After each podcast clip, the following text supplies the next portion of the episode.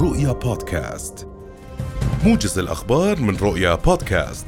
أدى الأردنيون اليوم في معظم مساجد المملكة صلاة الاستسقاء تضرعا لله وطلبا للغيث. وأكد وزير الأوقاف والشؤون والمقدسات الإسلامية الدكتور محمد الخلايلة أهمية التضرع لله تعالى من خلال الدعاء والاستغفار والتوبة طلبا منه إنزال الغيث رحمة بعباده وبجميع المخلوقات. حسم نادي الرمثا بطولة دوري المحترفين لكرة القدم بعد تعادله يوم أمس مع الجزيرة بهدف لهدف على ملعب عمان الدولي ليحقق اللقب الثالث من البطولة.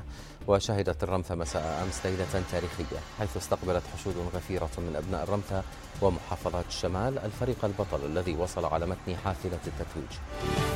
حذر الخبير المائي الدكتور دريد محاسني من أن الأمن المائي الأردني في خطر وقال محاسني خلال حديث لرؤية اليوم إن الماء في الأردن لا يكفي إلا لمليوني مواطن في الوقت الذي يزيد فيه عدد السكان عن عشرات ملايين.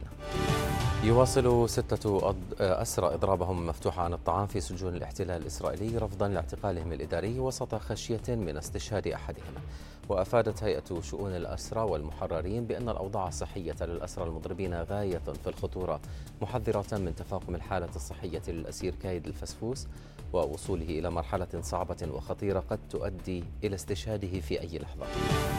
نهاية هذا الموجز ولمزيد من التفاصيل ولأخبار أخرى زوروا دائما موقع رؤيا الإخباري رؤيا نيوز dot TV وتطبيق رؤيا الإخباري المتاح على Google Play App Store و Huawei AppGallery ويمكنكم الاستماع لمواجز الأخبار يوميا على بودكاست الأخبار من رؤيا بودكاست عبر جميع المنصات السمعية في أمان